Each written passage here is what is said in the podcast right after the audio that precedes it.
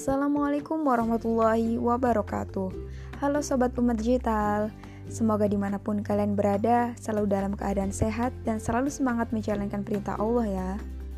Sobat Umat, sering kali kita mendengar kata optimis bukan? Saat kita merasa pesimis atau merasa takut melakukan sesuatu, sering kali orang lain mengingatkan kita untuk terus optimis Sehingga kita dapat meraih kesuksesan itu.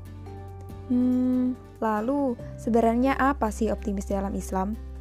Nah, kali ini podcast Umat Digital akan membawakan pembahasan yang berhubungan dengan sikap optimis meraih kesuksesan dalam pandangan Islam. Sobat umat tahu tidak? Sikap optimis harus ditanamkan dalam hati setiap muslim loh. Terutama manakala suatu saat menghadapi badai masalah, ia akan tegar dan terus bersemangat mencari solusi penyelesaian masalah tersebut.